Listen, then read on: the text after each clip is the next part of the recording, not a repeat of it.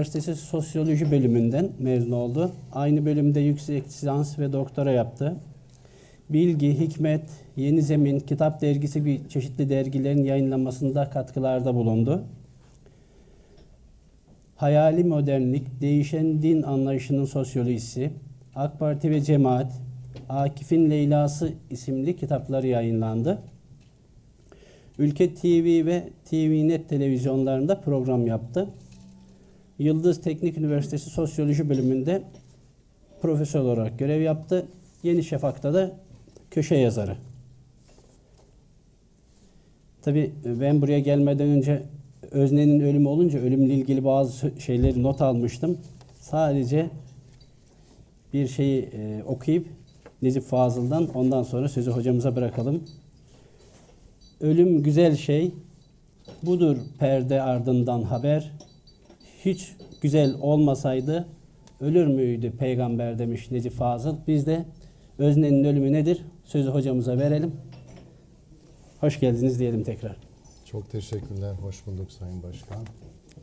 Değerli Haziran, e, sizler de hoş geldiniz. E, hepinizi sevgiyle, saygıyla selamlıyorum. Türkiye'nin çok ciddi anlamda birkaç yıldan beridir gündemini oluşturan bir mesele etrafında konuşacağız. Bu aslında e, günümüzde adı FETÖ olarak tanımlanan bir mesele. Aslında e, bu FETÖ olarak tanımladığımız meselenin aslında salt düzeyde bir terör, terör e, meselesi değil. Ondan öte Türkiye'nin din devlet ilişkileri, Türkiye'de cemaat, Türkiye'de siyasi yapı, din ilişkisi, e, birey din ilişkisi bütün bunlarla yakından ilgili olan bir konu aslında. Bir yönüyle biz aslında FETÖ'yü tartışırken Türkiye'de bunları tartışıyoruz, kendimizi tartışıyoruz. Bu e, çerçevede son 4 yıl veya son işte özellikle 15 Temmuz darbe girişiminden sonra çok daha yoğun bir biçimde bu konu üzerinde duruluyor. Ama bu konu tartışılırken tabii e, belli bir perspektifi kullanmak gerekiyor. Türkiye'de genellikle e, bu mesele üzerine yapılan tartışmalarda kullanılan yöntemler veya okuma tarzları yoğun olarak ya propagandaya dayanıyor, ya stratejik okumalara dayanıyor, ya da karşıtlık okumalarına dayanıyor. Türkiye'de tekfirci okumalar da çok yaygın aslında. Dışlayıcı olan, ötekileştirici olan okumalar yaygın. Ama biz aslında hangi konu olursa olsun onu anlayabilmek için bunlardan öte diğer eleştirel okuma, çarpraz okuma, ondan sonra çoğul okuma ve bilimsel okuma gibi yöntemlere başvurmalıyız. Bunu yaptığımız zaman karşımızda duran şeyin ne olduğu konusunda çok daha objektif bilgilere ulaşırız ve elde ettiğimiz bu objektif bilgilerle ona karşı mücadele edeceksek daha doğru, daha sağlıklı ve daha sahih bir mücadele ortaya koyabiliriz. O nedenle ben de bu çalışmamda özellikle propagandacı veya stratejik bir e, okuma yapmanın ötesinde e, bunu çoğunlukla itirafçılar veya istihbaratçılar yapıyor veya siyasi parti temsilcileri yapıyor. Propagandacı bir yöntemi. Gazeteciler çoğunlukla kullanıyor. Ama ben burada daha çok mesleki birikimimden hareketle daha sükunetle okuma ihtiyacını hissettim ve bu çerçevede kritik okuma, çoğul okuma ve çarpraz okuma dediğim yöntemleri kullanmaya çalıştım. Yani bu çerçevede karşımızda duran şeyi tanımlarken mesela bazıları dedi ki neden Fethullah Gülen hareketi diyorsunuz? FETÖ demeniz gerekiyor. Bana belli bir tanımlamayı danıtma, e, dayatmaya çalıştı insanlar. Hala da bize bunu dayatmaya çalışıyorlar. Ama ben dünyada, Türkiye'de okuduğum cemaatler, toplumsal hareketler, ister bunlar şiddete dayalı olsun, isterse barışçıl olsun.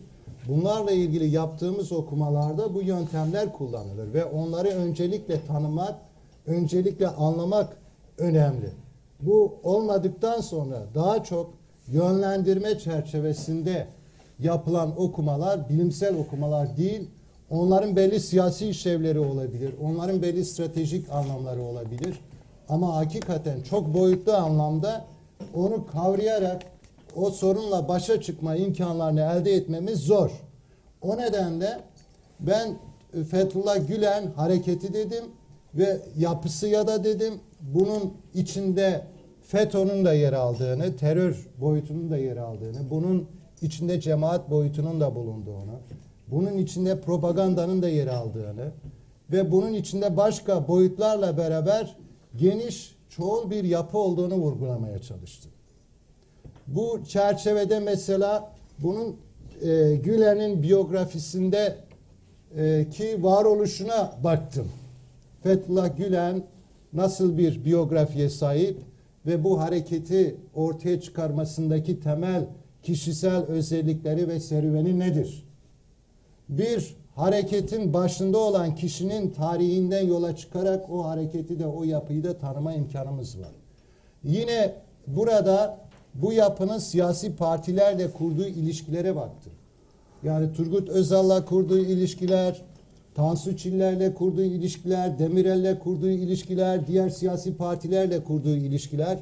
Dolayısıyla Türkiye'de ağırlıklı olarak sağ siyasetle devlet içinde ciddi anlamda bir ilişki tecrübesini, tarihine sahip olduğunu gördüm. Ve bunun zaman zaman farklılaştığını, bunun zaman zaman çeşitli aşamalarla değiştiğini gördüm. Mesela e, 1989 yılında ANAP iktidarı döneminde bu e, Fethullah Gülen İstanbul başta olmak üzere Türkiye'nin büyük camilerinde konuşur ve burada başörtüyle ilgili çok karşıt bir tutum sergiler, ortaya koyar. İşte der ki aslında bu sokağa çıkıp başörtü eylemlerini yapanlar çarşaf içine girmiş olan erkeklerdir veya işte bunlara para verilmiş e, kullanılan İran ajanlarıdır. Dolayısıyla bu söylemi o tarihsel dönemle birlikte nasıl bir siyasete denk geliyor diye sorduğumuzda şunu görüyoruz. Arkasından hemen yükselen bir milli görüş hareketi var. İslamcıların yükselişi var. Türkiye'deki sağ siyasetin paylaşımı ve onun oyunu alma pratiği ortaya çıkıyor. Sağ siyaset ise adeta dine karşı din yöntemini kullanarak bunu bloke eden kendi oyunu kullanmaya yönelik bir figür olarak bu din adamı olan kişiden yararlanıyor. Biz bugün ki sonuçlara bakarak geçmişi okumaya çalışıyoruz. Bu ciddi anlamda bir tarihi bugünle tamamıyla okuma sorununu getiriyor. Oysa Gül, Fethullah Gülen'in hayatına baktığımızda devletin en önemli kurumu olan Diyanet İşleri Başkanlığı'nda hayatı boyunca görev yapmış birisidir. Emekliliği de orada tamamlamıştır. Ee, Gül, dolayısıyla sağ siyasetin devlet içindeki bu ilişkinin varlığını görmeden sadece son yaptıklarına bakarak veya işte Amerika Birleşik Devletleri'nin ajanıdır deyip bugün çizmek, dışlamak, ötekileştirmek çok kolay bir şey. Ama ilmi bir müktesebatla baktığım zaman hiç de öyle değil aslında. Ve bu siyasi boyutlarla birlikte diğer benim için önemli olan şey bu gökyüzünden gelmedi. Bir sosyolog olarak baktığımda olayları daha çok bir toplumun kendi iç dinamikleri üzerinden veya toplumlar arası ilişkilerden okumaktan yanayım. Çünkü sosyoloji böyle bakmamızı ve böyle okumamızı ister. Ve dolayısıyla bu kadar Fethullah Gülen'in yapısına bu kadar insan neden katıldı? Anadolu'nun her bölgesinden, her kentinden insanlar buraya katıldı. Türk toplumunun hangi taleplerine cevap veriyordu? Neye karşılık veriyordu? İnsanların hangi umudunu kullanıyordu? Hangi umudunu organize ediyordu? Dayandığı sosyoloji neydi? Bu toplumdan nasıl yararlanmıştı? Nasıl kanalize etmişti? Ve bu sosyolojiyi nasıl örgütleyerek bir güce dönüştürmüştü? Bunlar hakikaten açılması, öğrenilmesi ve e, bilinmesi gereken önemli şeyler. Çünkü bu yapı, bu hareket varlığını sürdürüyor. Bütün soruşturmalara, bütün müdahalelere rağmen yeni yeni bir sürü bilgi alıyoruz. Hapishanedekiler bile kendi aralarındaki dayanışmayı sürdürüyorlar. Kendi aralarındaki başka bir takım ilişkileri uluslararası düzeyde sürdürüyorlar. Dolayısıyla güvenlik önlemleri önemli. Asayiş çerçevesinde değerlendirmek önemli ama meseleyi anlamak açısından tek başına yeterli değil. Bu açıdan değerlendirdiğimizde bu hareketin en önemli özelliklerinden birisinin komünalist bir yapı olduğunu düşünüyorum. Veya Türkçe'de cemaatizm. Yani özneyi yok eden, özneyi öldüren, insanın şahsiyetini tamamıyla kurban eden bir yapıyla karşı karşıya olduğumuzu görüyoruz. Komünalist bir yapı insanın şahsi özelliklerini, özne dünyasını yok eden bir şey. İnsanı küçüklükten 12 yaşından itibaren ailesinden alıyor, mahallesinden alıyor, kentinden alıyor. Gerektiğinde ülkesinden de alıyor. Yurtlarda, dershanelerde tamamıyla denetlenen steril bir kolektif ortamda insanlar yetiştiriliyor. Hangi gazeteler okunacak, hangi kitaplar okunacak, hangi televizyon izlenecek, hangi haberler dinlenecek? Tamamıyla komünalist bir yapı bu. İnsanın bireysel gelişimine yer vermeyen, insanın benlik oluşumuna yer vermeyen bir şey bu. Oysa biz insan olarak benliğimizle varız her şeyden önce. Allah bizi her birimizi bir ayrı varlık olarak yaratmıştır. Parmak izlerimiz farklı. Çünkü her birimiz ayrı ayrı insanlarız. Bir Müslümanın mesuliyet sahibi olabilmesi için değil mi? Akil, bali olması gerekir. Akil ve bali olmak insanın birey haline gelmesi demektir. İrade sahibi olması demektir. Artık şu iyidir, şu kötüdür diye karar verir ve ona göre de mesuliyetleri vardır. Değil mi? Ama komünalist yapıda bu özne dediğimiz, bu akil bali olma dediğimiz ve belli mesuliyetleri kendi başına üstlenen irade sahibi dediğimiz varlık tamamıyla imha ediliyor. Komünalist yapı olması ondan dolayı. O nedenle enteresan kavramlar kullanılıyor. Mesela şahsi manevisi, cemaatin, hareketin, hizmetin bu kelimeleri kullanıyorlar. Şahsi manevisinden bahsediyorlar. Şahıs yok, şahsi manevi var. Velayet varsa şahsi manevinin, kutbiyet varsa yine şahsi maneviyenindir. Hepimiz neferiz. Kimin ne haddine var ki ben desin. Bakın. Bu aslında ifadeler bireyi, özneyi, insan olmayı, şahıs olmayı tamamıyla yok eden ve her şeyi kolektivizm içinde Gülen yapısı, Gülen cemaati, Gülen hareket neyse bunun içinde yok eden bir e, bakış açısı var, bir söylem var. Bu söylem üretildiği kadar pratik ilişkilerde de bu e, icra ediliyor ve pekiştiriliyor. Sadece bir söylem üretilmiyor. Videolarda veya işte kasetlerde, konuşmalarda, vaazlarda, daha sonra kitaplara çevriliyor. Gülen'in söylemi güçlü bir söylem de değil aslında. Ama hitabeti güçlü. Kitleleri etkilemeye, yönlendirmeye yönelik bir hitabet tarzı var. Ve daha çok bahsettiğimiz kolektivist yapıyı oluşturan, komünalist yapıyı oluşturan bir kadro hareketiyle, bir teşkilatla karşılaşıyoruz. O nedenle bizim klasik cemaatler dediğimiz tarikatlardan ve tekelerden ayrışır. Daha çok bir askeri yapıya veya daha çok bir devlet yapısındaki teşkilatlanmayı ifade ediyor. Bu açıdan da bir kadro hareketi demek gerekir belki buna. Cemaatten öte bir kadro hareketi. Ama şöyle bir yapısı var bence. Topluma gözüken yüzü var, zahiri yüzü. Bir de toplumdan saklanan mahrem bir yüzü var. Buna da batini yüz demek lazım. İki sosyoloji bir açıdan var. Zahiri yüzünde cemaat olarak topluma gözüküyor.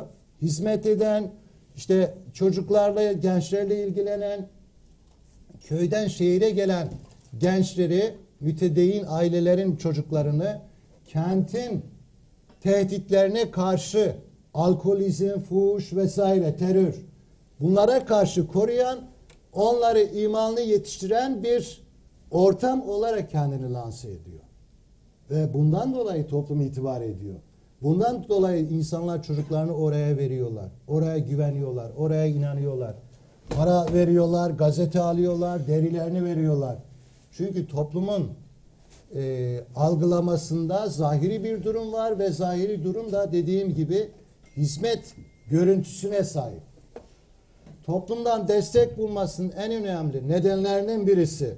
Diğer önemli başka sosyolojik nedenler de var. Yani işte Türkiye'de diyelim sosyal devlet anlayışının liberalleşmeyle birlikte erimesi, bu köyden kente göçle birlikte büyük bir nüfus yerleşimi, değişimi ortaya çıkıyor ve burada yeni üniversiteleş, üniversiteleşmeye, okullaşmaya cevap verecek eğitimle ilgili altyapı yeterince e, devlet üretemediği için bu boşluğu, bu açıklığı görüyorlar ve buna cevap verecek çözümler üretiyorlar.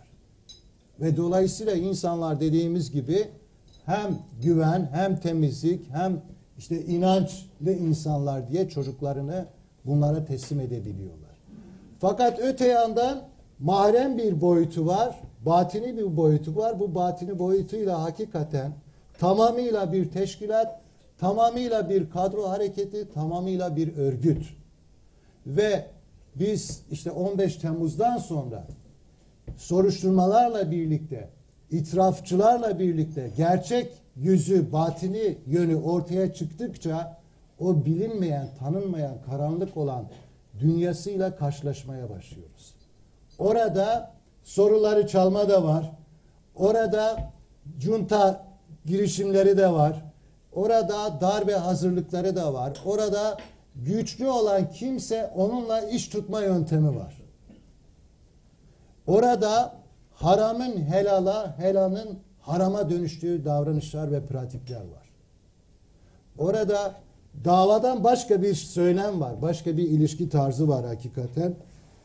Ve yine bu komünalizm çerçevesinde bütün bireysel çıkışları, bütün bireysel sorgulamaları engellemek için e, cemaati veya işte yapının ve yapıyı temsil eden figürün Fethullah Gülen'in mutlaklaştırılması söz konusu. Bu mutlaklaştırma dini bir uslupla gerçekleştiriliyor. Masumiyet ve masuniyet. Buna Ali Ünal 2014 yıllarında ciddi anlamda tartışmalar olduğunda ve o yapıdan bir takım insanlar bu tartışmalara katılmaya tevessül ettiklerinde Ali Ünal tarafına böyle bir yazı kaleme alındı. Masumiyet ve masuniyet. Ve vurgulanan şu oldu. Aslında onların mahrem dünyalarındaki gizli bilgilerini Gülen'e yönelik anlayış ve inanışlarını ortaya koyan, ifşa eden bir yazıydı bu. Bununla şunu vurguluyordu. Gülen masumdur, eleştirilemez, tartışılamaz. Cemaat de bu herkesi temsil eden masumiyet vasfına sahip olan bir yapıdır. Dolayısıyla siz kendi şüphelerinizden, eleştirilerinizden, sorgularınızdan, sorgulamalarınızdan uzak durmak zorundasınız. Yani birey, bir özneleşme arayışı varsa, bir bireyselleşme arayışı varsa, bir uyanma arayışı varsa, bir bilinçli olma durumu varsa, onu yeniden tepesine vurarak uyu demeye getirdiler aslında. Ve bugün tabi Ali Ünal bunun hesabını veriyor açıkçası. Yine cemaatin mutlaklığını din üzerinden giderek cemaat, hizmet, kadro ne dersek diyelim. Çünkü cemaatler de sapabilir yani. Bunu açık konuşmak gerekir. Her cemaat mutlak iyidir manasına gelmez. Her insan mutlak iyidir anlamına gelir mi? Her cemaat de iyi olmayabilir. Her siyasi parti de iyi olmayabilir. Dolayısıyla bir cemaat de Müslüman bir cemaat de İslam'ın koyduğu ana esaslara bağlı olarak hareket ettiği zaman, çalışmalarını yürüttüğü zaman meşrudur.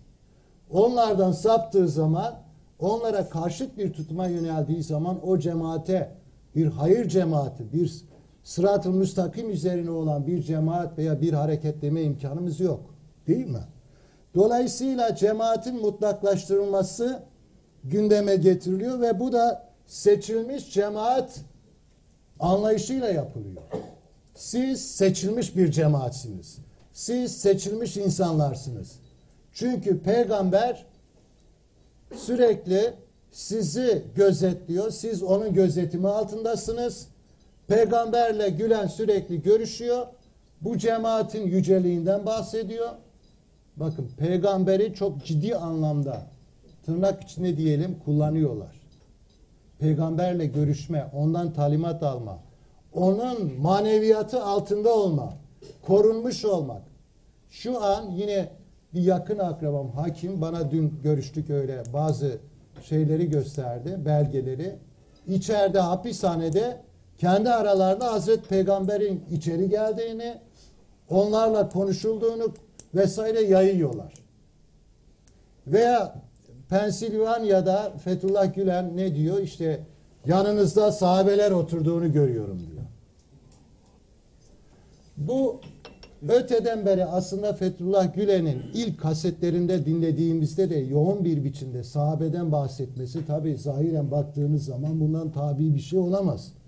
Bizim için ashabın dönemi asr-ı saadet dönemidir. Değil mi? Ama asr-ı saadet dönemini bir, uzun bir tarihi süreci aşarak kendi topluluğuyla özdeşleştirerek onları zihinsel bir dönüşüme uğratıp ondan sonra istediği biçimde onları yönlendirmeye çalışan bir tutumla karşılaşıyoruz burada. Sahabeler gibi olmaktan daha üstün bir meziyet olabilir mi bir Müslüman için? İnsanlara bunu hissettirmek. İnsanın kendisini önemli hissetmesi, saygın hissetmesi çok değerli bir şeydir. Bir insan, tanımadığınız bir insanın size selam vermesi, size güzel, e, güler yüzle bakması veya tam tersi, sizi tanıdığı halde sizi görmezlikten gelmesi, bizi görmezlikten gelmesi değil mi? Bize çok dokunan bir şey. O nedenle aslında insan saygın bir varlık olmak ister. Değer bulmak ister. Görülmek ister, işitilmek ister. Bir yandan Gülen bu insanlara bunu hissettirerek onları daha kolay bir biçimde psikolojik açıdan kendisine bağlıyor ve rahatlıkla onları yönlendirebiliyor. Burada tabi e, çeşitli umutlar ve vaatler öne çıkıyor. Altın nesil dediğimiz zaman bu umutlar ve vaatlerin varlığıyla karşılaşıyoruz. Cenneti vaat etme. İşit de cenneti vaat ediyor değil mi? Ölüme korkusuzca gidiyorlar. Gülen de kendi müntesiplerine cenneti vaat ediyor. Ve onların bütün bütün bilgi dünyasını, bütün algı çeperlerini düzenlediği için de alternatif bir bilgiyle karşılaşma imkanlarının olmadığını da biliyor. Bu çok önemli bir şey. Yani düşünün Türkiye'de siyah beyaz bir televizyon vardı. Hepimiz oradan haber alıyorduk. Ondan sonra daha sonra Özal dönemiyle birlikte yeni televizyonlar çıktı. Aa adamın birisi sakallı çıktı. İlk defa televizyonda bir adam sakallı. Garip bir şey değil mi bize? Bir şeye uyandık gibi yani. Arkasında başka televizyonlar çıktı. Aa Kur'an okuyorlar. Kur'an-ı Kerim okunuyor televizyonda. Allah Allah ya ne oluyor bu falan. Ya, alternatif bilgilenme insanların aslında uyanışına yol açan önemli bir şey. Mukayese etme imkanı oluyor? Hakikaten mukayese ettiğiniz zaman var olma imkanını yakalıyorsunuz. Fizikte bir kuraldır. Bir nesnenin hareket edip etmediğini başka bir nesnenin varlığıyla algılayabiliriz. Kur'an-ı Kerim'de de Peygamber Efendimiz de kafirlerden bahsediyor. İslam'ı anlatırken değil mi? Mümin, cennet, efendim, salih, ahlak, ihlas bunları anlattığı kadar cehennemi, cahiliyeyi, şeytanlığı, küfrü de aynı zamanda anlatıyor. Biz böylece aslında bu mukayeselerle İslam'ı, mümin olanı, cennet olanı ne olduğunu, melek olanın ne olduğunu daha iyi kavrama imkanına sahip oluyoruz. Oysa burada e, böyle bir şey yok. Bir mukayese etme imkanı yok. Ondan dolayı bir profesör veya bir general O kadar bilgiye sahip olmasına rağmen nasıl oluyor da Fethullah Gülen gibi bir adamın peşinde gidiyor diyoruz. E çünkü bütün hayatı 12 yaşından itibaren onların belirlediği yaşam alanları içinde geçmiş. Kiminle evlenileceğine onlar karar vermiş. Yani evlilik kadar mahrem özel bir şey olur mu? En özel alanlardan birisi. O konuda bile kendisi karar vermiyor. Dolayısıyla burada özne yoktur. Özne olmadığı için de bu insanlar sürekli birbiriyle bitişik halde yaşamaya alışmışlar. Kendi steril sosyal alanlarda hayatlarını sürdürüyorlar ve bu sosyal hayattan çıktıkları zaman da sosyal ölüm gerçekleşiyor. Bir yönüyle sudan çıkan balığa dönüşüyorlar. Hiçbir arkadaşı yok. Hiçbir çevresi yok. Mahallelisi yok. Başka bir beraber ticaret yapacağı, bir şeyler paylaşacağı, sevgisini, üzüntüsünü ne bileyim başka ilişkiler dünyası yok.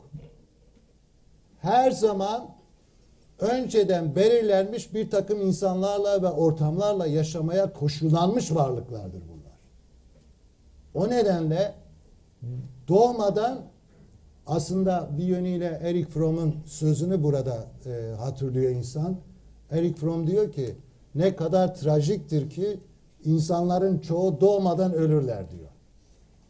Belki abartıyor ama bu mübalağa sanatı diyelim bir gerçekliği de vurguluyor. Çünkü biyolojik olarak doğmak bireysel bilinç ve düşünme olarak doğmak değildir. Birey olarak doğmak, biyolojik olarak doğmanın ötesinde olan bir şeydir. Hayatı üzerine karar vermektir. İyi ve doğru diyebilmektir. Yanlıştan kendi iradenle vazgeçebilmektir. Bu olgunlaşmaya sahip olmayan bir varlık doğmamıştır aslında. Sadece biyolojik olarak doğmuştur. Dolayısıyla bu yapıda olan insanlar birey olarak dünyaya gelmemişlerdir. Doğmamışlardır. Ergenlik dönemine girmeden bu insanların dünyaları tamamıyla psikolojileri, zihin e, bilinçaltları tamamıyla yönlendirilmiş, doldurulmuş ve yönetiliyorlar. Daha sonra katılan bir kısmı da ya parayla ya mevkiyle ya, ya da şantajla satın alınmışlar ve yönlendirilmişler. Ve o nedenle bu steril sosyal ortamlardan çıkınca sosyal ölüm dediğimiz şey gerçekleşiyor. Ama aynı zamanda bu sosyal olmanın ciddi bir avantajı da var. İnsanlar güçlü, sık dayanışma ilişkileri içinde oldukları zaman ortak bir enerji üretirler. Bir sosyal enerji ortaya çıkar. Bu sosyal enerji yıkıcı olabildiği kadar yapıcı da olabilir. Sosyal enerjinin yapıcılığını mesela 1999 depreminde Türkiye'de gördük. İnsanlar değil mi? Farklı ideolojik kimliklerini ve diğer özelliklerini bir kenara bırakarak hepsi deprem olayı üzerinde birleşti. Yardım etmeye kalktı, koştu, elini uzattı ve dolayısıyla bu sosyal enerjiyle Türkiye önemli bir kriziyle, sorunuyla baş, et, baş edebildi, baş etti.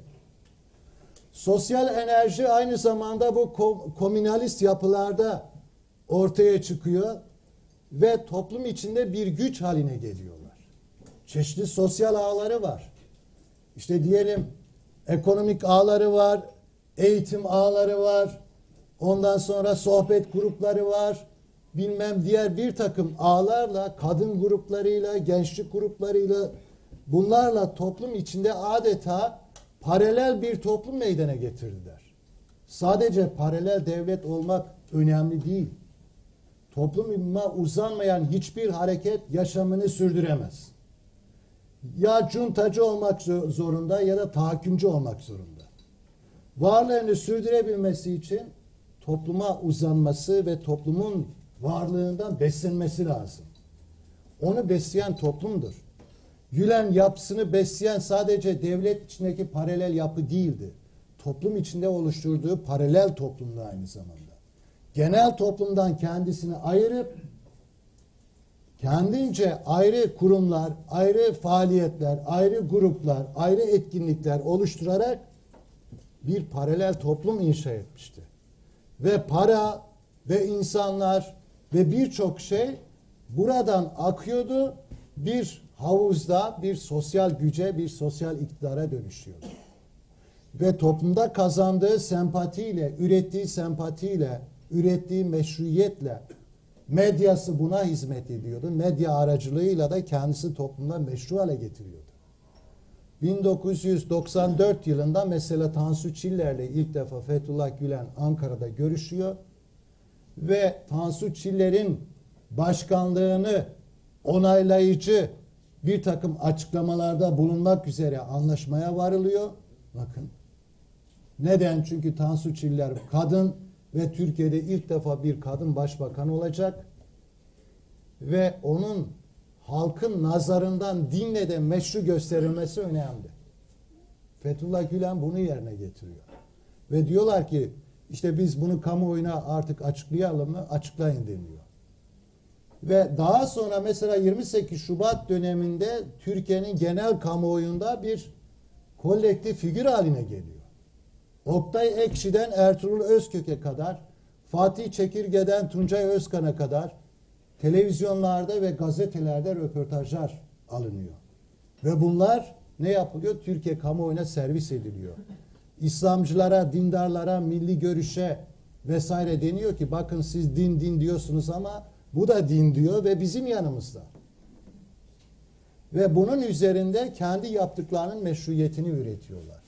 Ve bu tamamlandıktan sonra da 99'da onunla ilgili bir rapor hazırlıyorlar. Bugün işte tekrar konuşuluyor. Neden bu raporu işte farkına varmadınız, görmediniz? Ve Ecevit de e, yönlendiriyor mu artık ne yapıyorsa Amerika Birleşik Devletleri'ne kaçıyor, gidiyor Fethullah Gülen ondan sonra. Dolayısıyla kamuoyuna kendisini meşrulaştırmak için basın ve medya çok yoğun bir biçimde kullanılıyor. Bu Türkiye'nin ana medya dediğimiz akımı bunu gerçekleştiriliyor, gerçekleştiriyor. Ve ayrıca muhafazakar kamuoyuna da hitap etmek üzere kendi birçok gazete ve televizyon kuruyor. Bütün bunlarla düşündüğümüzde hakikaten Türkiye'de çok boyutlu olan bir e, dini yapıyla, dini yapı diyoruz. Yani sonuçta bu dinden e, hareketle kendisini üreten, kendisini ortaya koyan, kendisini meşrulaştıran bir yapı. Ama aynı zamanda dinin temel esaslarına da çok aykırı olduğunu görüyoruz. Arka planını öğrendikçe, söylemlerini daha derin ve daha e, çeşitli boyutlarıyla analiz ettikçe bununla karşılaşıyoruz. E, Gülen'in belki özne ve cemaat ilişkisini anlamak açısından diğer önemli bir boyutu da savunduğu ahlak anlayışına bakmakla e, onu ortaya koyabiliriz. Belli bir ahlak anlayışı var. Ahlak dediğimiz zaman insanın iyi ve kötü üzerine e, benimsediği esaslar, değerler, dünyayı buradan nasıl görüyor? İnsanlar kendi kimliklerini burada nasıl tanımlıyorlar? Bir defa bir dayanışma etiği vardır. Bireysel bir etik yok. Bireysel olarak iyi ve kötüyü algılama yerine kolektif yapıyla bütünleşerek iyi ve kötüyü tanımlama var. Birey temelli iyi ve kötü tanımlaması yok. Biz ahlak derslerini aldığımız zaman ortaokulda, lisede veya bugün devam ediliyor. Biz daha çok kendimizi birey olarak onlarla muhatap görüyorduk değil mi? Ya işte kişi kendini düşünerek şu iyidir ya da şu kötüdür diyor. Ama burada bireysel bir etik algılayışından öte iyi ve kötüyü cemaat üzerinden algılama öne çıkıyor. Çok dayanışmacı, kolektivist bir yapı var burada. Ve burada e, Nietzsche'ci meşhur Alman e, filozofu Friedrich Nietzsche'nin ahlak anlayışıyla bütünleşen bir ahlakla karşılaşıyoruz. Nietzsche diyor ki ahlak iyinin ve kötünün ötesinde güç iradesidir diyor. Oysa bütün kadim filozoflar, bütün peygamberler, bütün ilim adamları ahlakı iyi ve kötü, doğru ve yanlış temelinde tanımlarlar. Kimisi bunun kaynağı vahidir der peygamberler. Sosyologlar toplumdur der. Kant akıldır der. Öbürü başka bir şeydir der. Ama sonuçta iyi ve kötü, doğru ve yanlış esastır. Ama Nietzsche diyor ki hayır. Ahlak, etik, iyi ve kötünün ötesindedir. İnsan kendini iyi ve kötünün ötesinde tanımlamalı ve burada da gücü istemeli diyor. Üstün insanı savunuyor. Üstün insan nasıl olacak? Üstün insan iyi ve kötüyle yola çıkmayacak, gücün peşinde koşacak, gücü elde etmeye çalışacak, güce sahip olacak. İşte üstün insan odur diyor. Ve Nietzsche'nin bu anlayışından dolayı Alman nasyonalizminin ortaya çıktığını söylüyorlar. Yani Hitler'in, Nazizmin temelinde böyle bir ahlak anlayışının yer aldığını söylüyorlar. Gülen yapısında da bu ahlak anlayışını görüyoruz. Çok kolektivist bir ahlak anlayışı, iyi ve kötünün ötesinde cemaatin güç kazanması, yapının güç kazanması ve hakim olması önemli. En zengin biz olalım. Devlet içinde en fazla kadromuz bizim olsun. En fazla medyada biz hakim olalım. Hep güç ve bu gücü elde etmek için iyinin de kötünün de ötesine doğru adımlar atılıyor. O nedenle inançlı olan bu insanlar güya bu güç için gerektiğinde diyelim işte şarap içmek haramdır. Zina yapmak haramdır. Kötüdür. Yanlıştır. Cemaatin iyiliği için eğer albay olacaksan veya general olacaksan bunlar yapılabilir diyor. İşte bir tane elinde su taşı gerektiğinde iç, geç. Oruç tuttuğunu görmesinler, anlamasınlar diyor. Bakın Allah'ın iyi diye koyduğu şeyler veya kötü diye ne yettiği şeyleri burada ters yüz eden tutumlar var. Çok öte e, iyi ve kötünün ötesine giden tutumlar var burada. Dolayısıyla burada aslında batini İslam düşüncesi üzerinden okursak batini bir tutum da var. Yani Gazali'nin İslam düşüncesinde e, düşünce hareketlerini veya akımlarını tanımlayan bir sınıflaması var. Diyor ki işte dört temel akım var diyor. E, Sufiler var diyor. Kelamcılar var diyor. Bir de felsefeciler var diyor. Batinilik var. Batinilik diğerlerinden ayrı olarak sapkın bir yoldur diyor. Masum imama inanıyor ve bilginin kaynağını masum imamda görüyor. Dolayısıyla iyinin ve kötünün kaynağı masum imamdır. İmam derse işte içki iç kendini koru takiye gereği vesaire. Bu İslam toplum tarihine baktığımız zaman batinilerin bu hareketlerini çok yaygın bir biçimde görürüz. Hasan Sabbah bunun daha işte diyelim ki e, militarist biçimi. Ama normal hareketler olarak da var olanlar söz konusu. Gülen yapısı da böyle. Gülen'in özellikle bu e, Diyanet İşleri Başkanı'nın hazırladığı rapora baktığımız zaman açık bir biçimde görüyoruz. Kendisini peygamberle hep irtibat içinde olan ve dolayısıyla verdiği emirlerin peygamberden gelen emirler olduğu intibasını uyandırıyor ve adeta bir peygamberlik havası ortaya konuyor. Peygamberle rüyasında beraber olan, ondan emir aldığını söyleyen ve buna inanan insanlar artık o emirler önce onlara bakar. Ve bunu kullanıyor ve dolayısıyla e, burada artık e, rahatlıkla Allah'ın bize emrettiği esaslar ters yüz edilebiliyor. Bu nedenle biz İslam düşünce tarihi üzerinden gidersek Gülen hareketi aslında batini bir harekettir. Zahiri yönüyle kendisini bize bir dönem bir hizmet ve cemaat hareketi olarak sunsa da ortaya çıkan görünmeyen boyutlarıyla beraber şunu anlıyoruz ki bu hakikaten batini bir hareket, batini bir yapı ve İslam'ın temel esaslarını da rahatlıkla ekip, e, eğip bükebiliyor. çok farklı anlamlara büründürebiliyor. Din anlayışı bu nedenle çok farklı özellikler taşıyabiliyor. Ben buna senkretik din anlayışı diyorum. Senkretik yani e, yamalı bohça gibi bir şey. Biraz oradan biraz bundan alıp kendine göre bir yeni yol ortaya koyma çabası aslında. E, bu nedenle mesela İslami hareketlerden bahseder bazen ama aslında hiçbir İslami hareketle de doğrudan bir benzerliği yoktur. Yine bilimden bahsediyor, modern dönemden fenden bahsediyor. Aslında bizim anladığımız, bilimsel man- manada değerlendirdiğimiz bilimle de ilişkisi olmayan bir takım söylemlerle karşılaşıyoruz. Zaman zaman tasavvuftan bahsediyor ama Fethullah Gülen hareketi bir silsileye dayanmaz ve bir tasavvuf hareketi de değildir. Nurculuk diye bakanlar var. Nurculukla ilişkisi yok. Çünkü nurculukla kendi içinde belli esasları olan, belli uslupları olan, belli bütünlüğü olan mesela Risale-i Nur'u esas kabul ederler. Okumaları oradan yaparlar.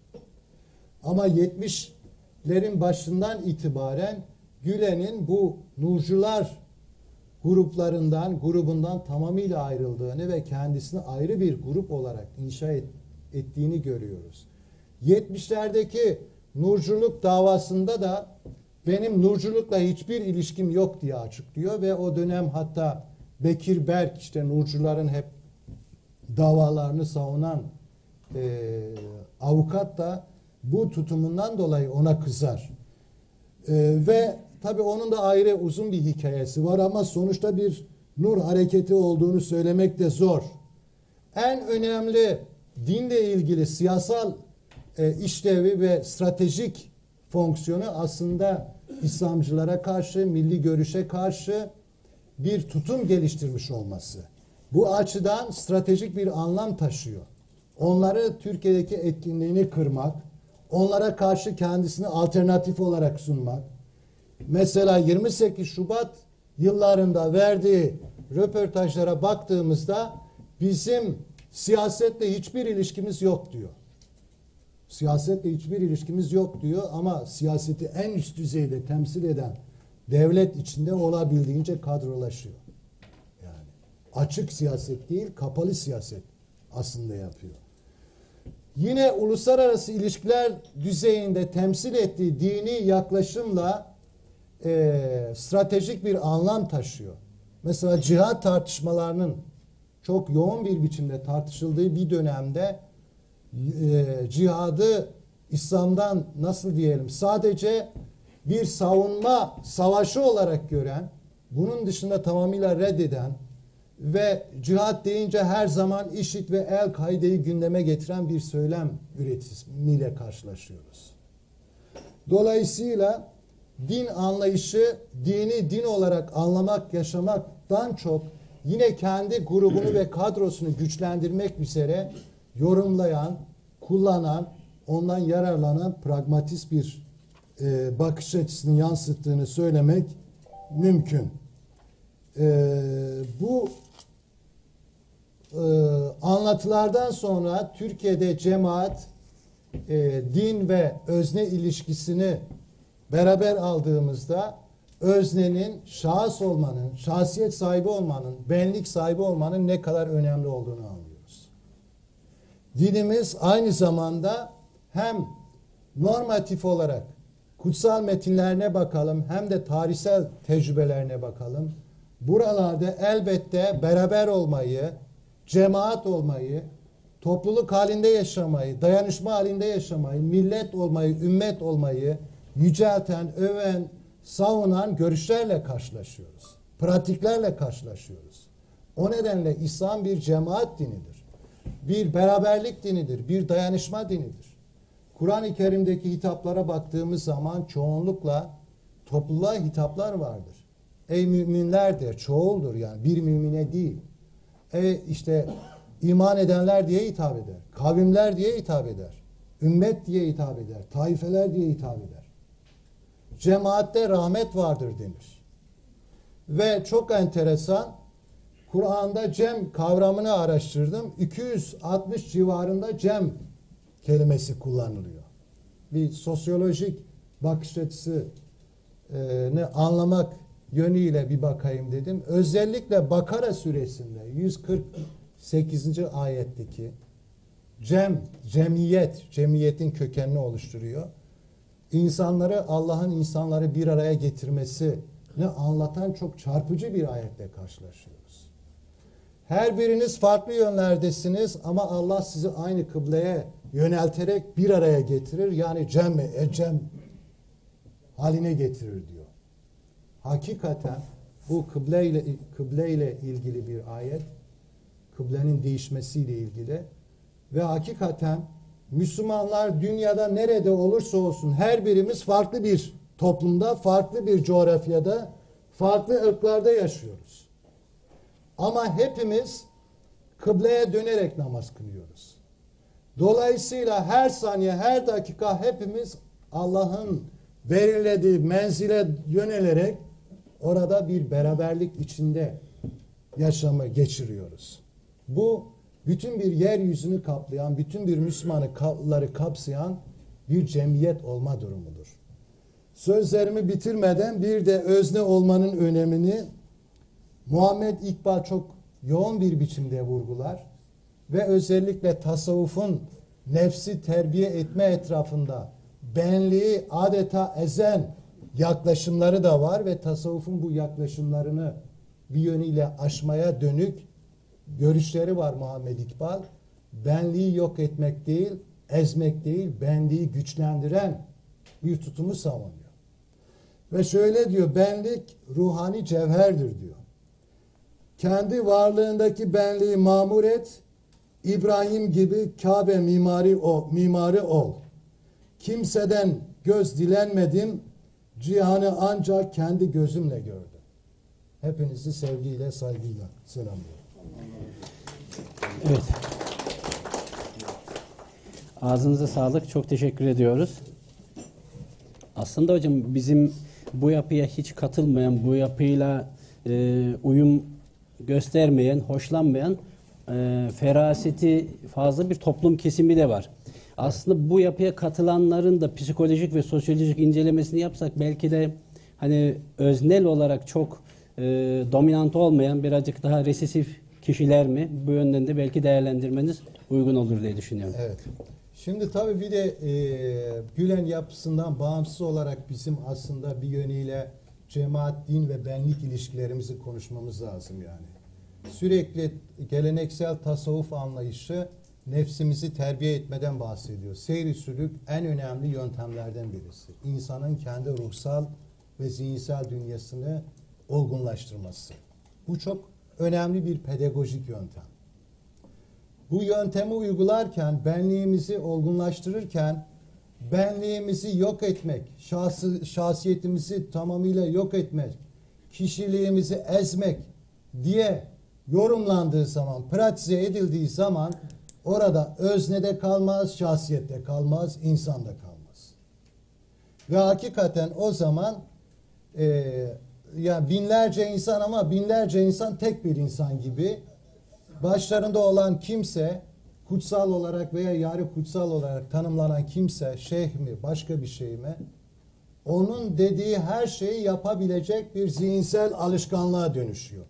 Seyri sülük insanların ruhsal yani kendi işte cevherini keşfetme diyor Muhammed İkbal.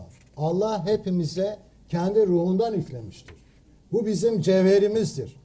Bu cevherimizi keşfetmek, onun ışığından yararlanmak, enfusi dünyamızın derinliğinde kendimizi bulmak, zenginleşmek böyle bir yönümüz var.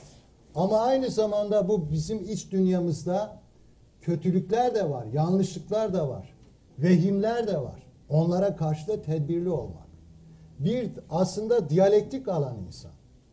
E, nefis dediğimiz şey Kur'an'da aslında tek bir anlamda da geçmez yani. Nefis deyince biz sadece insanın iç dünyasının olumsuzluklarını anlarız. Ve hakim kültür, tasavvufta hakim kültür maalesef nefsini ez, benliğini yok et, benlik davasını gütme, bunlarla insanın kendi şahsiyetini özne olma durumunu silme gibi bir sonuç çıkartılmış. Eğer bir de e, masum imam teorisi, anlayışı bir şeyhe, bir şeyhe efendiye transfer edilmişse orada ne şahsiyet var ne özne var. Ve dolayısıyla e, bu insanlardan ne üretim ortaya çıkabilir ne de başka bir şey çıkar. Zaten Muhammed İkbal de diyor ki İslam dünyasının en büyük sorunu budur diyor. Biz diyor ezilmiş olan, yaralı olan kişilikler, bilinçler değil, hareketsiz olan, pısırık olan kişilikler ve benlikler değil, tam tersine dinamik olan, hareketli olan, kendisini anlayan, hani kendini bilen Rabbini bilir. Tasavvufun bir de böyle bir şeyi var. Dolayısıyla bu olduğu zaman o topluma karşı, dünyaya karşı daha etkili bir biçimde katılmaya yönelecek, sorgulayacak, eleştirecek. Değil mi? Kur'an-ı Kerim'de aynı zamanda diyor ki nefsini kınayana and olsun diyor. Kendi nefsini kınayan, sorgulayabilen, eleştirebilen. Düşünün diyor, akledin diyor. Düşünün, akledin hem toplumlara hitap eder hem de bireylere hitap eder. Dolayısıyla Kur'an-ı Kerim'deki hitaplar ne salt bireylere ne salt topluluklara hitap. Akledin dediği zaman bazen toplumlar için akledin diye hitaplar, bazen bireyler için var. E, buradan şu sonuç çıkıyor. Bizim birey olma ve toplum olma, cemaat olma ve özne olma dengesini korumamız önemli. Nasıl güvenlik ve özgürlük dengesi önemliyse inançta ve dinde bunlar da önemli. Yoksa insan hakikaten dünyaya biyolojik olarak doğar ama zihinsel ve ruhsal olarak doğmadan gider. Bu toplum olarak imtihanları verebilir, veremez. Ama birey olarak biz ahirete gittiğimiz zaman orada birey olarak yargılanacağız. Toplum olarak yargılanmayacağız sadece. Toplum olarak yargılanmıyoruz. Dolayısıyla mesuliyetlerimiz burada bireysel ve o nedenle bizim özne, özne tabi burada da işte modernliğin öznesi mi, efendim İslam'ın öznesi mi, tarihsel özne mi o tartışmalar ayrı tartışmalar. Şahsiyetimizi diyelim. Şahsiyetimizi koruduğumuz oranda aslında biz Müslüman olarak kendi benliğimizi de koruyabiliriz. Daha e, toplumla da dünyayla da daha yapıcı ve daha anlamlı ilişkiler kurabiliriz. Evet arkadaşlarımızdan soruları, katkılar olanlar.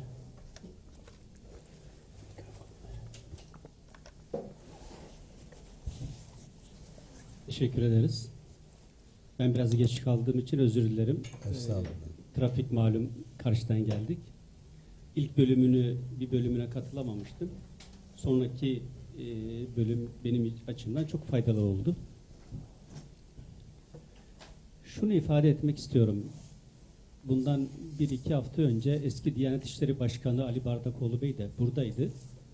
Bu konu yine gündeme geldi. Açıkladığınız hususlar yeniymiş gibi açıklanıyor ama bunlar önceden de vardı. Yani 77 senesinde bir kaseti vardı Fethullah Gülen'in. Orada diyor ki rahmetli Erbakan Hoca'yı kastederek Allah diyor sana cehennemden yer ayırırsa kendini bahtiyar say diyor. Mesela bu ifadede bir şirk var. Cebrail gökten inse, parti kursa iltifat etmem, oy vermem ifadesi. Buna benzer şirk kabul edilebilecek bir takım ifadeler vardı ama bunlar nedense sorgulanmadı. Dolayısıyla bir süre insanları tabiri caizse 70'li yıllarda, 80'li yılların başlarında siyasete e, soyunmuş ve kişiliğini tabiri caizse mevcudiyetini siyasette bulan insanları o kürsülerden çok güzel konuşmalarla tabiri caizse kopardı ve kendisinin altyapısını da böyle oluşturdu. Ve o insanların tabiri caizse akaidlerini de berhava etti. Bunları biz ta üzerinden 30-40 sene geçtikten sonra bir tespitler yapmaya başladık, raporlar yazmaya başladık. Halbuki e, hoca ne dediyse doğru söyler. Mantığı toplumda öyle bir yerleşti ki sanki siz ona karşı bir şey söylediğiniz zaman adeta afaroz ediliyorsunuz. Yani siz sosyolojik olarak bu işleri çok güzel tahlil eden e, akademik kariyeri olan arkadaşlarımız acaba bundan 20-30 yıl önce bunların e, bu hoca hocanın veya Fethullah Gülen hoca demeyelim Fethullah Gülen'in bu tür şeylerini duyduğunuzda neden e, tepki gösterilmedi? Evet. Şimdi bunu tabi bir defa 2000'li yıllara kadar e, Türkiye'de özellikle İslami kesimden Fethullah Gülen'e karşı bir şey vardı. Eleştiriler vardı, mesafeler vardı. Mesela biz o zaman İstanbul'da çıkardığımız diyelim İmza dergisinde veya Ülke dergisinde Fethullah Gülen'in görüşlerini, hareketlerini eleştiren yazılar yazmışız. E, fakat 2000'li yıllarda Türkiye'de 28 Şubat'tan sonra bir değişim oldu. Bir de tabii Gülen'in büyümesi 90'larla birlikte gerçekleşen bir şey yani. 90'lara kadar Fethullah Gülen'in hareketi bütün Türkiye'de etkili olan büyük bir hareket değil.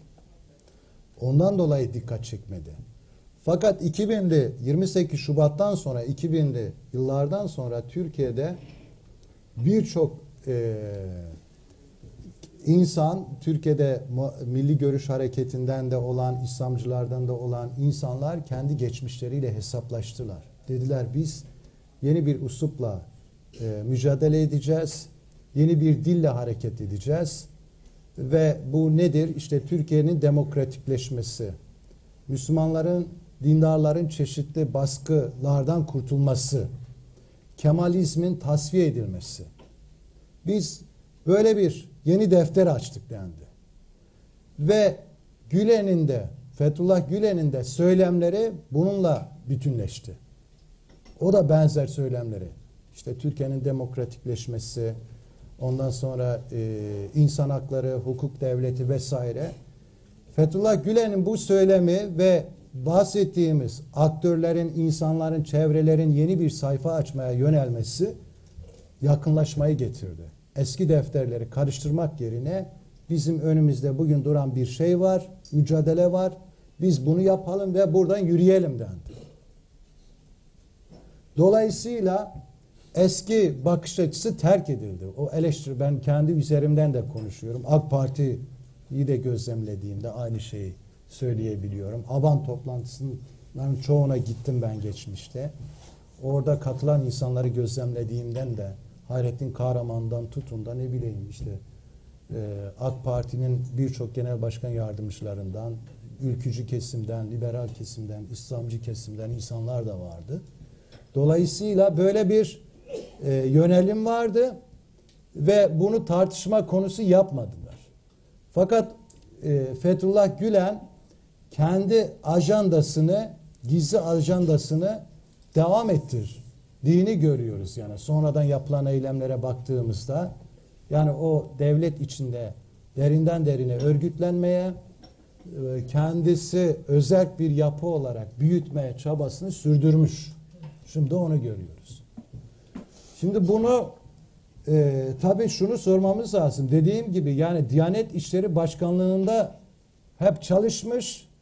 O kasetleri orada konuşmuş. O yazılar hep oralardan çıkmış, yayınlanmış. Emekli olmuş. En büyük konuşmalarını Diyanete bağlı olan büyük camilerde yapmış. Ve ondan sonra bunu Diyanet'in öncelikle mesuliyeti var yani. Açıkçası. Keşke Ali Bardakoğlu'na sorsaydınız bunu. Yani. Sordum aynı. Tamam mı? O da Diyanet İşleri Başkanlığı'nı yapıyordu o dönemde. Ama bizim evet.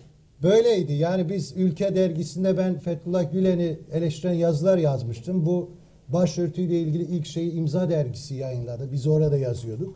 Fakat 2000'li yıllara geldiğimizde böyle bir dönüşüm oldu Türkiye'de. Böyle bir yeni durum oldu. Dolayısıyla hala eski e, defterleri açmanın manası yok gibi bir tutum benimsendi açıkçası yani. Evet başka soru ve katkısı olan Mahmut abi. Tamam. Daha vaktimiz var. Herkese hayırlı akşamlar diliyorum. Ee, merak ettiğim bir şey var. Bu soruyu çok kimseye sordum. Doyurucu cevap alamadım. Doğrusu ben hiç kamuda çalışmadım. Hep serbest çalıştım. O da bir takım dostlarım oldu. Evet. Anlamadığım bir konu var. Şimdi şöyle bir anekdot anlatılır. Dedi ki bir yerde bir hırsızlık olayı olur.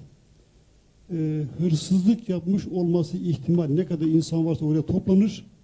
Birisi başlarına geçer. Bak beyler diyor. Kim filan malı getirsin. Ben şu anda hırsızın kafasında bir gaz tüyü görüyorum. Ve o anda hırsız hemen elini yukarı kaldırır. Ve hırsız e, tespit edilir. Diyorum ki şimdi orduda 150 tane general bu yapıya ait meydana çıktı. Yani bir insanın 40 yıl boyunca, 30 yıl boyunca böyle kimliğini saklaması, e düşünün ki bir yerde birisi bir gruba küfrediyor, ne kadar kendini saklasın yüzünüz kızarır. Hatta bize derler ki yarası olan kuzunur falan derler. Yani bir insanın bu kadar uzun zaman böyle kimliğini bastırması. Çünkü askerde ben de yani Orada bir askermenlik yaptım. Orada birçok şeye etkilendim. Siz haftanın beş günü o resmi ideolojinin bombardına olacaksınız. Cumartesi, pazar merdiven altı gizli saklı bir tane abisi alacak. O haftanın beş günü size yapılan bombardımanı silecek ve ona yeni şeyler yapacak ve onu inşa edecek ve ilaç edeceksiniz. Ben hala bu aklımla bu şeyi hala anlamış değilim. Siz anlıyorsanız da aydınlatır mısınız? Şimdi aslında bunlar çok açık yani bilinmez değil. Dediğim gibi yani sağ siyaset içinde Fethullah Gülen yapısı ciddi anlamda bir destek görüyor zaten. Dışarıda okullar açıldığı zaman adları anılmayan ben de söylemeyeyim yani. O dönemin bakanları var yani. Milli Eğitim Bakanı var. İlk, de askeri- ilkokulları bunlar açıyor yani. Askeri yapı içinde de ben şunu tahmin ediyorum. Sol Kemalizm orduda çok hakim. Dolayısıyla sağ siyaset bunu dengelemek için bunların önünü açtı diye tahmin ediyorum.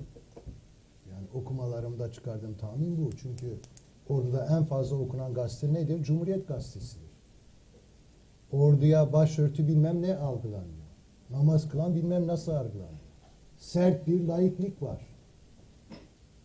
Bu sert laiklik bence yani bu yapının ortaya çıkmasının en önemli nedenlerinden birisidir. Sağ siyaset güvenlik bürokrasisindeki özellikle ordudaki bu topluma, millete çok aşırı yabancılaşmayı böyle bir yapıyı destekleyerek aşabileceğini düşündü gibi tahmin ediyorum açıkçası. Bunu da bir takım o dönemin işte şimdi FETÖ tartışmalarında, televizyonlarda hiçbir defa adı anılmayan bazı isimlerin o dönem çok etkin olması. Yani Balkanlara gidip ilk okullarını açan ben değildim yani. Ve aynı şekilde Orta Asya'ya gidip işte Demirel'in söylediği e, imzalı bilmem neyi veren de dönemin Cumhurbaşkanı yani. O nedenle bilinmeyen bir şey değil ki. Ama bir yapı geliyor bir yerden sonra mevcut devletin e, egemenliğini tümüyle alt üst eden, tahammülleri tümüyle kendine doğru çekebilen, bir darbeye dönüşebilen, uluslararası bir güçle tamamıyla anlaşabilen bir şeye dönüşüyor. E orada da tabii devlet bütün farklı siyasi eğilimleriyle karşı durur ve geçmişte yaptıkları bir kısım şeyleri de inkar eder vazgeçer yani. Tansu Çiller'e derseniz 94'te siz görüştünüz falan inkar eder yani bu iki konjonktürde. Veya diğerleri ne diyeyim ben yani. Gizli bir şey yok aslında.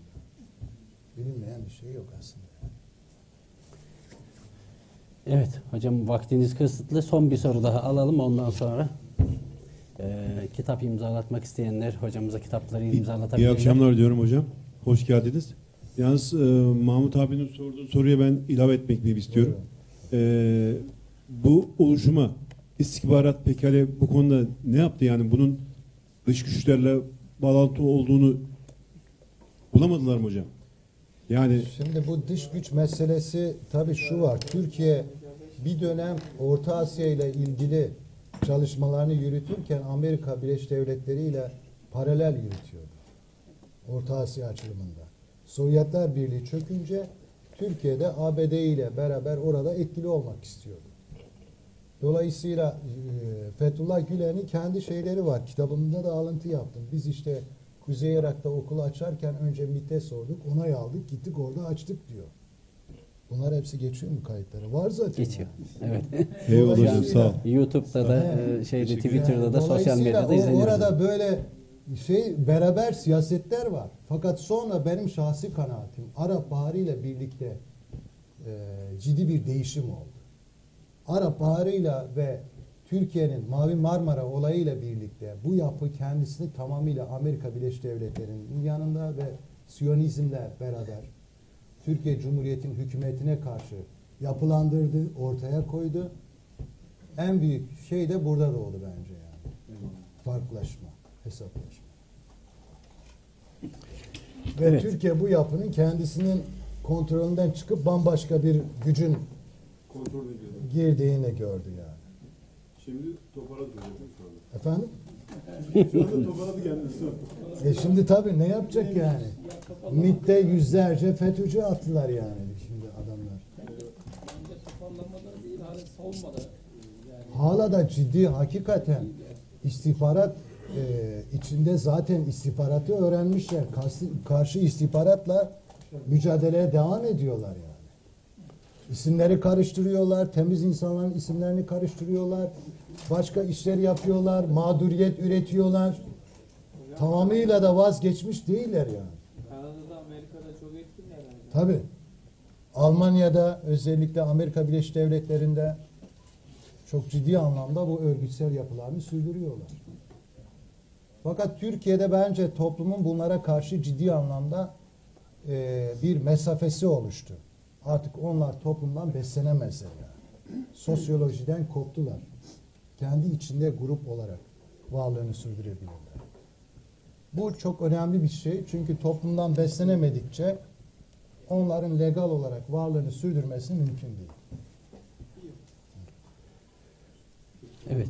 Tekrar ağzınıza sağlık hocam. Biz katılımcılara klasik adetimiz e, bir plaket sunuyoruz. Bunu size sunmak isteriz. Arkadaşlarımla. Muhammed de çok iyi fotoğrafçı hakikaten. Fot- Bizim fakültede en iyi çeken arkadaş yani. Peki. Ve e, hocamızın kitabını imzalatmak isteyen arkadaşlar için Özne'nin Ölümü kitabını